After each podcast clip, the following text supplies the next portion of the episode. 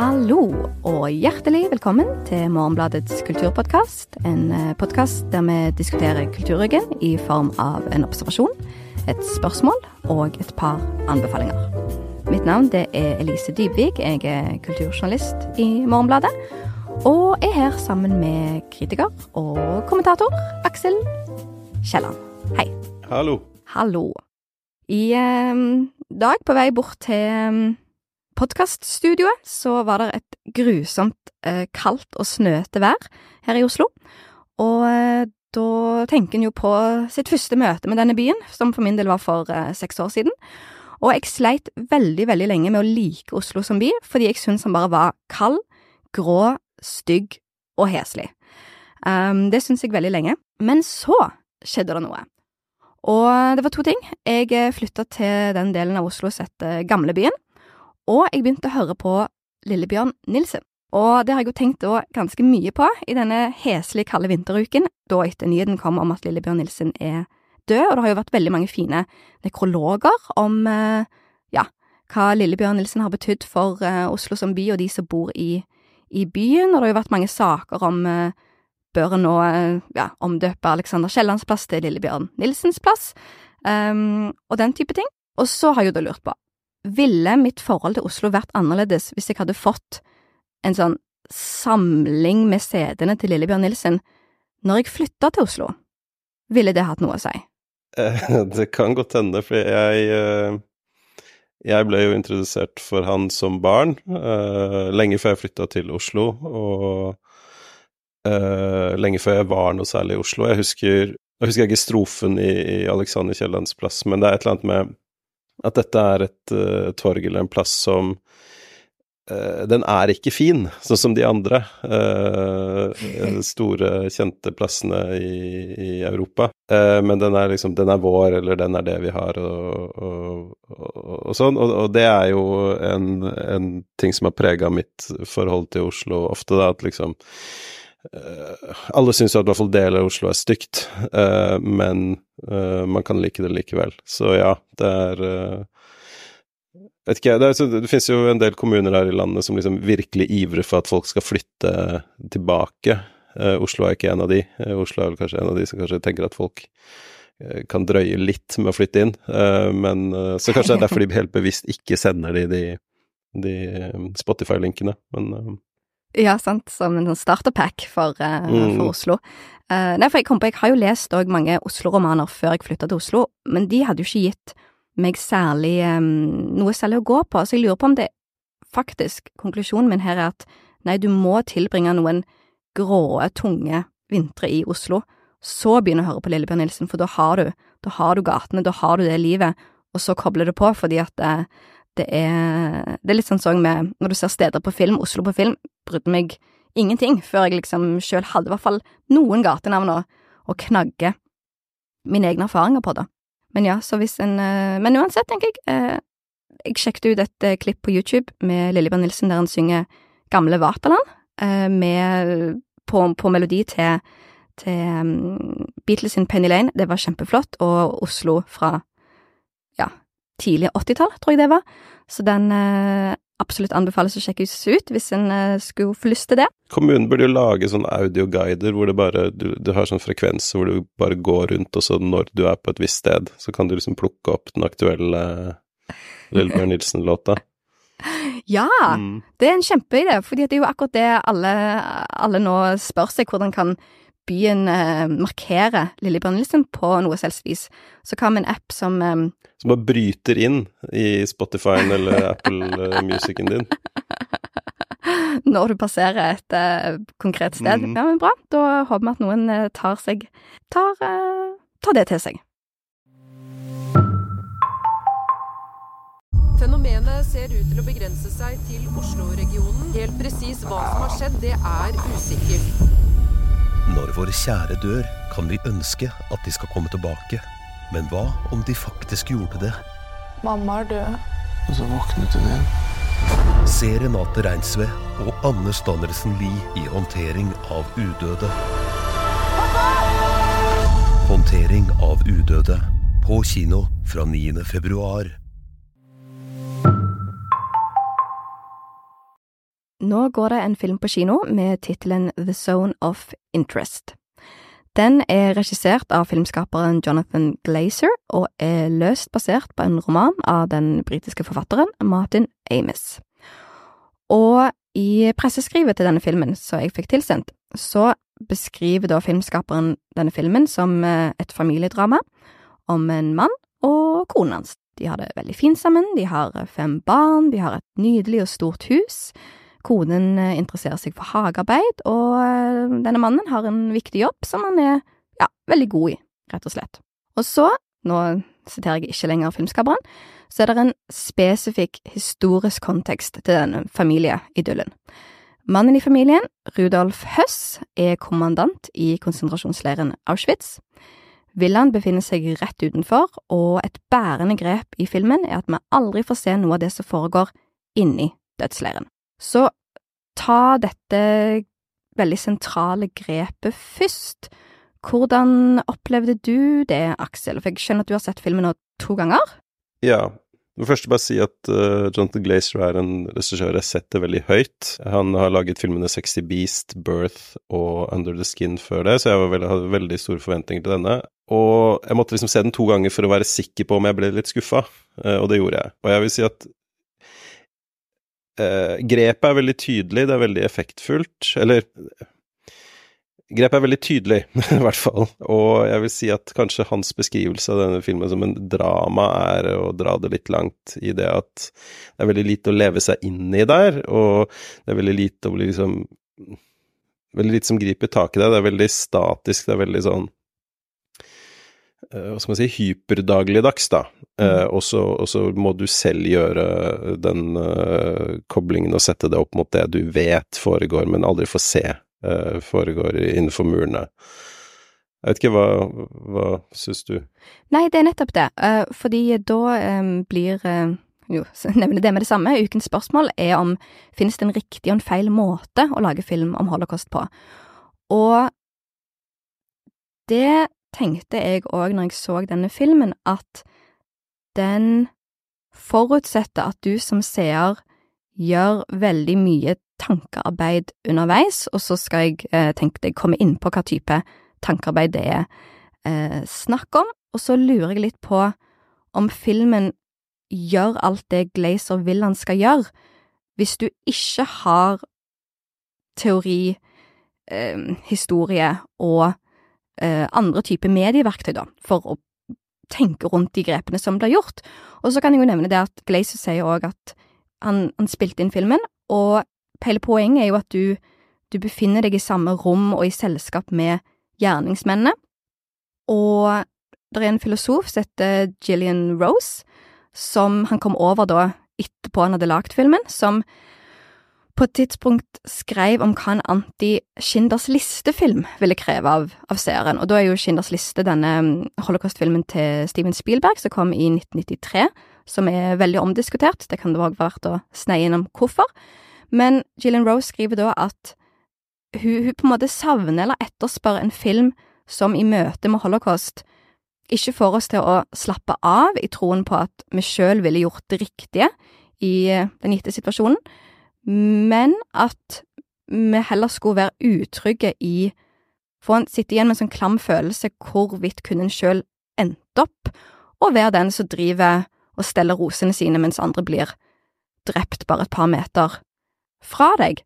Og ja, istedenfor, sånn som hun kaller det for sentimentale tråder hos seeren, så skal du til et sted Dette er jo litt sånn vel poetisk sagt, kanskje, men den bunnløse sorgens tørre øyne i stedet.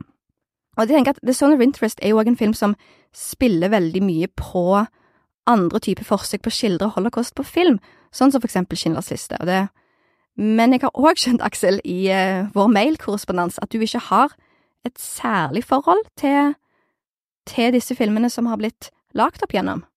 Nei, jeg unngår holocaust-filmer hvis jeg kan. Ok, hvorfor?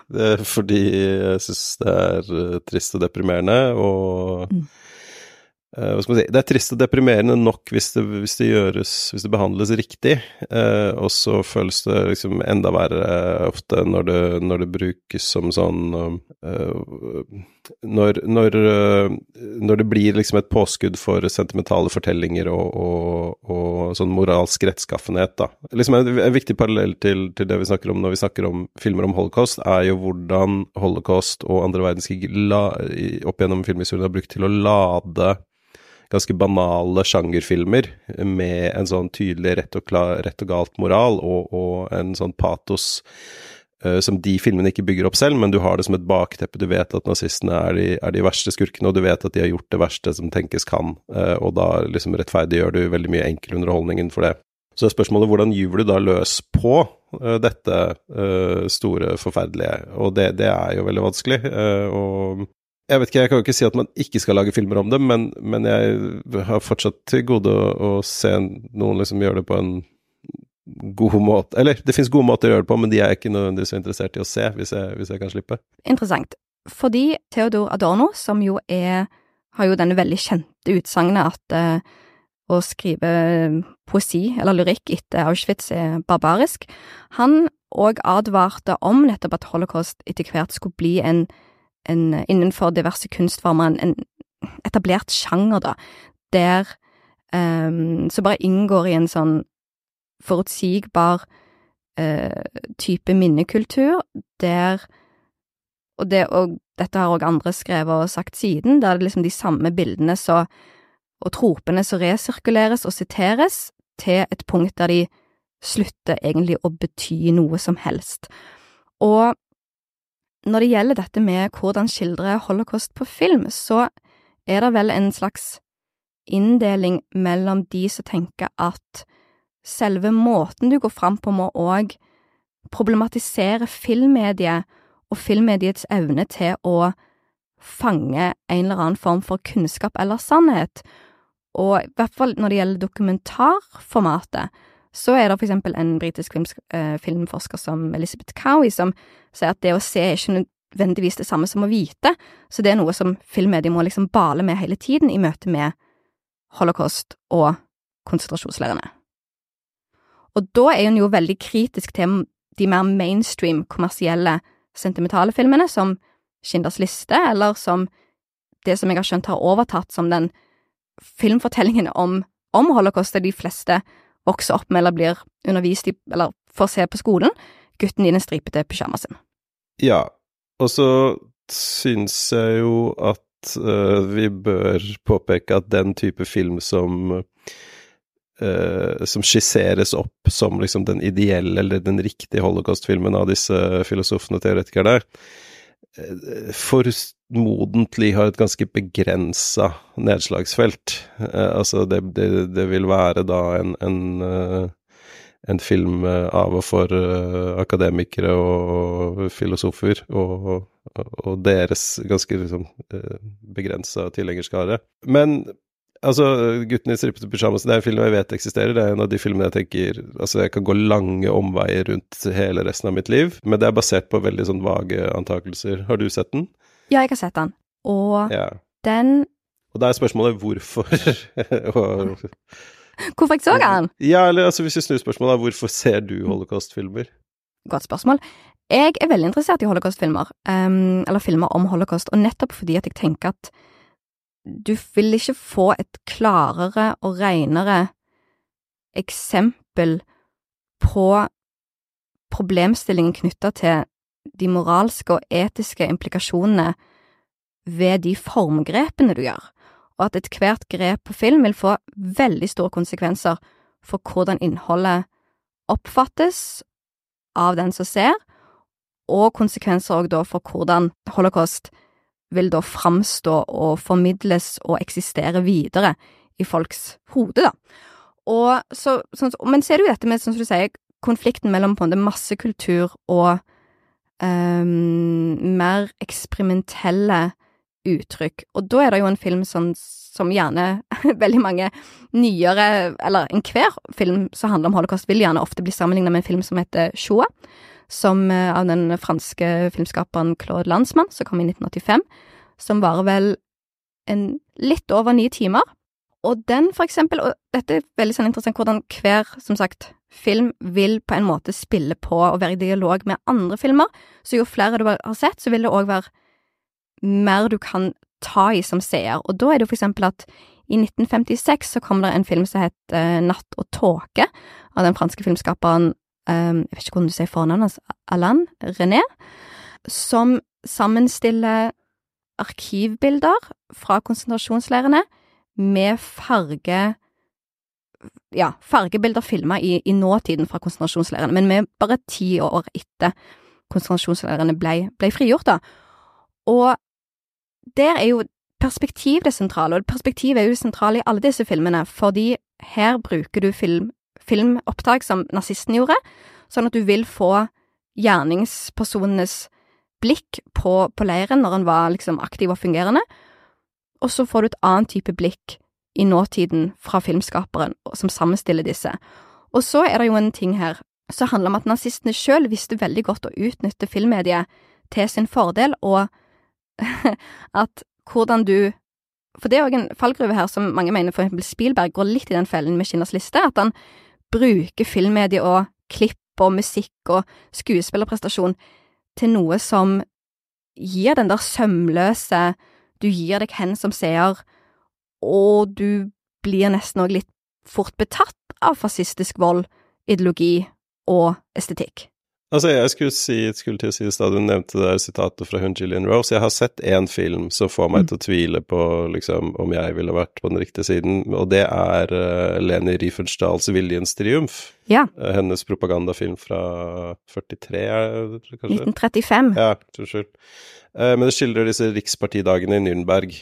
Og, og, det gjør det med en sånn, sånn, visuell kraft og en sånn massesuggesjon som liksom forplanter seg ut fra, fra de, de, massemøtene og inn på filmen, som er sånn uh, du tenker at altså, dette handler altså Der handler, innså at det handler ikke bare om en sånn rett og galt og sunn fornuft, det har, det har om å stå imot en sånn derre massebevegelse som var he, veldig, veldig voldsom, og ikke minst visuell eh, og, og, dramaturgisk, på en måte vi ikke har sett i, i vår levetid. Og det er jo på en måte Son of Interest, den er Eh, som du sier, i dialog med, med disse filosofene og, og, i hvert fall enkelte av disse filmene uh, du har nevnt, uh, Shoa og, og René-filmen. Men det, den er på en måte Det er en sånn film hvor du nesten kan få uh, fullt utbytte ved å bare liksom lese om grepene som er brukt. Mm. Det er veldig lett lite der du, du trenger å faktisk se det er liksom filmekvivalenten av sånn uh, tidlig Mathias Fallbakken-kunst. At hvis noen bare beskriver det for det godt nok for deg, så, så, så, skjønner du hva han vil. Ja, for det kan jeg si at den eneste, kanskje, um, effekten som jeg satt igjen med som seer, og som jeg syns han får til veldig fint, fordi at jeg har skjønt at han plasserte kamera rundt omkring i hele denne Auschwitz-villaen. Litt, altså, Taza har sagt til og med at det er en slags Big Brother uh, Auschwitz-opplegg som gjør at du får veldig sånne glidende klipp mellom alt som skjer i huset, og som seer sitter jeg da igjen, særlig kanskje med hvor lett det er å stivne i hverdagen, til den grad at du totalt ikke tror at du kan bryte opp fra den hverdagen og gjøre noe annet enn akkurat det huslige syssel og stellet som du har for deg. Ja, altså det jeg syns er, er, det liksom mest effektfulle cinematiske grepet her, er den litt sånn stygge, ekle billedkvaliteten, som er sånn ekstremt høyoppløselige bilder, ekstremt klare, og, og det er klart han helt bevisst nekter publikum den distansen og estetiseringen som ligger i uh, hva skal man si, konvensjonelt filmfotografi, som da liksom ofte slekter på analog 35 mm-film. Det er liksom, vi skal ikke få noen av dette det skal, skal, ikke tas til det nivået hvor dette bare er en film. Det skal, det skal være ubehagelig realistisk, og det skal være Det er av, det, noen av de mest sånn høyoppløselige bildene jeg har sett. Eh, det er en, der er, får det en effekt. Men utover det så vet jeg ikke helt om liksom jeg, jeg, altså jeg, jeg, sitter vel mer enig med at dette er en veldig godt laget film. Det er, det er godt tenkt, det er tenkt i en, i en, viktig tradisjon, men jeg aner ikke hva jeg skal gjøre med det. Mm. Altså som utover. Ja, men, men, ta igjen da Shoas Claude Landsmann, som bestemmer seg for å filme kun i nåtid, og da er vi vel 70-tallet, 80-tallet, fordi at eh, hvis du på enkelt vis gjenskaper eller reproduserer bilder fra konsentrasjonsleirene, så vil det òg nesten virke som du på enkelt vis kan illustrere folkemord, som om du kan illustrere klassiske redskaper som hører hjemme i et kjøkken. Og det er jo en langsomhet i Landsmannsprosjekt som handler jo også om å få deg til å tenke over sted og tid og hvordan nåtiden overlapper med fortiden, der for eksempel han, et intervju som jeg leste med han nå nylig, handler om hvordan Det var et gammelt intervju, altså, så det var ikke noe jeg sa nylig. Så handler om at det, det er to, ca. to kilometer fra hovedjernbanen til portene til konsentrasjonsleiren Auschwitz. Hvordan få gi seeren følelse av de to kilometerne, og tenkte masse på ok, men du kan ikke filme fra et helikopter, for eksempel, fordi at da det er Guds perspektiv, det er helt urealistisk, men for eksempel da dette gjaldt eh, inngangen til en annen by ved en annen konsentrasjonsleir, jo, vi setter kamera på en hestevogn, og dermed òg gir inntrykk av liksom litt primitive karakterer med denne lille polske landsbyen, der du har kirken, du har eh, de små husene, og så kommer du til et intervju med en kvinne som var gift med en nazistisk lærer som holdt til der, og så forteller hun om dagliglivet i denne landsbyen mens kon konsentrasjonsleiren var operativ. Og jeg vil jo si at mitt problem med The Zone of Interest er vel at den, den gjør det den gjør det lett for seeren å slippe unna å ta inn over seg disse tingene hvis en ikke helt føler for det eller har lyst til å tenke på det, og da sitter du bare og ser dette villalivet minutt for minutt. Ja, uh, og, men altså, jeg skulle jo jeg, jeg, tror jo effekten av grepet hadde vært større om det var lettere å leve seg inn i villalivet. Uh, altså, nå, nå, har du en eller annen sånn Den tilbyr en veldig sånn uh, komfortabel, om ikke behagelig, så tilbyr den en en tydelig definert plass for publikum, da, liksom sitte og si sånn ja, ja, og mm, dette liksom uh, hypernormaliteten side om side med det verste barbariet, um, ja, akkurat sånn er det, ondskapens banalitet. Uh, og kanskje det, det liksom, hvis vi skal gå på liksom sånn kjerneproblemet, sånn jeg ser det, er at dette grepet bidrar Altså, på den ene siden har du den under, under eller illustrasjonen av, av uh, Hanna Arens uh, begrep uh, ondskapens banalitet. Det, det, det, virker å liksom klinge i bakgrunnen her. Mm -hmm. Samtidig som det ved å ikke skildre noe av det som skjer, måtte beholder det bildet av holocaust som en sånn historisk ondskap som bare overskrider menneskelig fatteevne og, og ja. Sånn at ondskapen her er både banal og transcendental på en gang. Mm. Jeg tror at hvis det hadde vært noe mellom disse to ytterpunktene, så hadde filmen grepet mer tak i publikum, og også gitt en mer uh, ubehagelig følelse av at man selv ikke nødvendigvis Altså ens, ens uh, handlinger som publikum og betrakter, uh, passiv betrakter, ville føltes mer medskyldig og mer mer uh, kompromittert, da. Mm. Ja, for Glazer vil tydelig sjøl mene at uh, han fremstiller nazistene som helt vanlige folk, og unngår det som gjerne har vært vanlig, sånn som du for eksempel ser i Schindlers liste, at nazistene er, har noe monstrøst og um, umenneskelig over seg, at det er helt vanlige folk som mimrer tilbake til når de var på ferie i Sveits.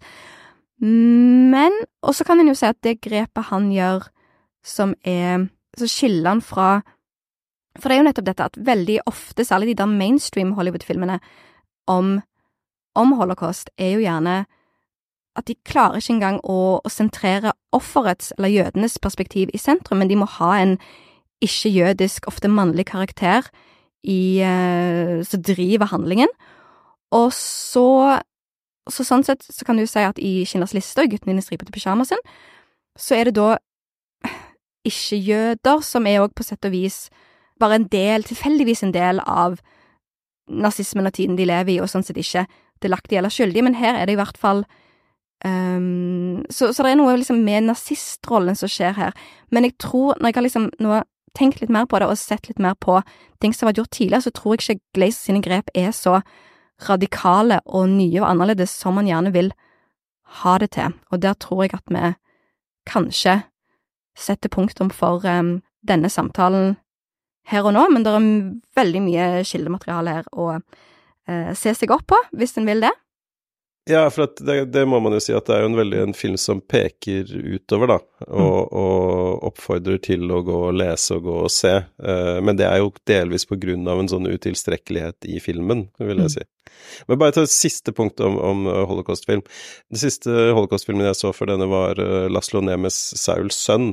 Ja. Uh, som er en veldig kritikerrost film. Utrolig suggererende. Da følger da en eh, en fange, jeg husker ikke hvilken konsentrasjonsleir det er, men eh, han er en av de som gjør arbeid i leiren, eh, og da overlever. Og da tenkte jeg innimellom at dette er, dette er nemlig så godt laget og så suggererende at det føles litt feil. Mm.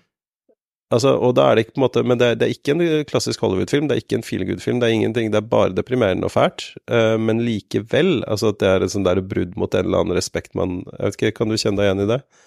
Ja, ja, det tror jeg. Og så tror jeg at en jo er inne på noe her at en film som vil føles utilstrekkelig i sin evne til å la en bli revet med, er jo på en måte en film som har Eller en film som får deg til å, å Ja, publikums rolle og følelse i møte med verket blir jo mye mer av større betydning i disse filmene enn de gjør til vanlig, der du ikke trenger å tenke over din egen posisjon i det hele tatt, enten du sitter i en mørk, trygg kinosal eller ser noe hjemme i fullt dagslys. Ja. Jeg, jeg greier ikke helt å bestemme om det er en god ting eller en dårlig ting at denne filmen er Oscar-nominert. Det- Og så vil jeg bare nevne det at denne dokumentaren jeg nevnte, som heter Natt og tåke til han franske René, den ligger på YouTube, den er 35 minutter, og teksta, så det går an å se den. Og den filmen ble jo lagt som opp mot krigen i Algerie, der òg filmskaperne, blant annet manuset var skrevet av en, eh, av en holocaust-overlevende, ville få deg til å tenke på holocaust i et um, perspektiv av urettferdighet og undertrykkelse i dag. Og der er det jo fristende òg å lese The Son of Interest inn i det som skjer i Gaza, så der kanskje spiller han en mer aktiv rolle enn filmen kanskje var tenkt, men jeg tror ikke filmskaperen har noe imot det, så vidt jeg har skjønt når jeg har lest intervjuer med han. Så fra der til anbefalinger. Aksel, hva har du å komme med i dag? Jo, jeg, jeg vet ikke, jeg prøver å liksom at disse anbefalingene mine skal være, skal være eh, dagsaktuelle. Så har jeg ikke sett noe sånn voldsomt eh, eller lest noe som begeistrer meg voldsomt i det siste. Skal jeg heller anbefale en av favorittpodkastene mine. Den heter Weird Studies. Det er en kunst- og filosofipodkast av to canadiere hvor uh, Twin Peaks er like sentral en referanse som uh, Henry Bergson og Gilde Løs. Så hvis man høres det, synes det høres interessant ut, så vil det verdt å sjekke ut. Den ligger overalt hvor uh, podkaster kan strømmes og lastes ned. Veldig bra, det hørtes eh, Det skal jeg gjøre. Jeg òg har en podkast å komme med. Strømmetjenesten eh, Mubi, som spesialiserer seg på ja, annen type film enn du finner på de gjengse andre strømmetjenestene. De har òg en podkast, tror han bare heter Mubi. De har nå gått i gang med en ny sesong, og den uh, kunne ikke være mer skreddersydd meg sjøl, pun intended. Begynte å si det, for det høres litt sånn Kan vi bare ta det? Og si pun intended etter du har sagt noe. Aksel, er det bra, eller er det dumt, eller er det teit? Det er veldig dumt og teit, men Du kan gå for den enda verre, enda verre versjonen som er not to pun a word. Ok. Ja, men da skal jeg um, ta, ta notere meg det. Nei, fordi at denne sesongen hand, den heter nemlig Tailor-Made, og handler om klær på film. De begynner med Det er ofte ikke et problem at folk ikke oppfatter ordspill. Det er ikke det, er ikke det som er ordspillets subtilitet, det er ikke problemet, som regel. Jeg skal slutte i dette øyeblikk. Nei, jo, for da eh, Da har jeg eh, begynt å høre på den, eh, altså, som intervjuer med kostymedesignere, filmskapere, filmfotografer. Tar for seg, sånn som jeg har skjønt det, hver uke en ny film, ser på den gjennom et klesblikk. Første film ut er Til siste åndedrag av Godard, og eh, oppfinnelsen av eh, fransk ung kvinnemote, og problemene, gjerne, med denne òg. Nei, veldig Ja, gleder meg veldig til å fortsette å høre på den videre. Så eh, den skal òg ligge overalt der en eh, finner den type ting. Da eh, sier vi tusen takk for oss, og så er vi tilbake neste uke Ansvarlig redaktør er Sunn Heidi Sæbø. Og så vil jeg gjerne takke produsent Kristine Aas. Vi snakkes.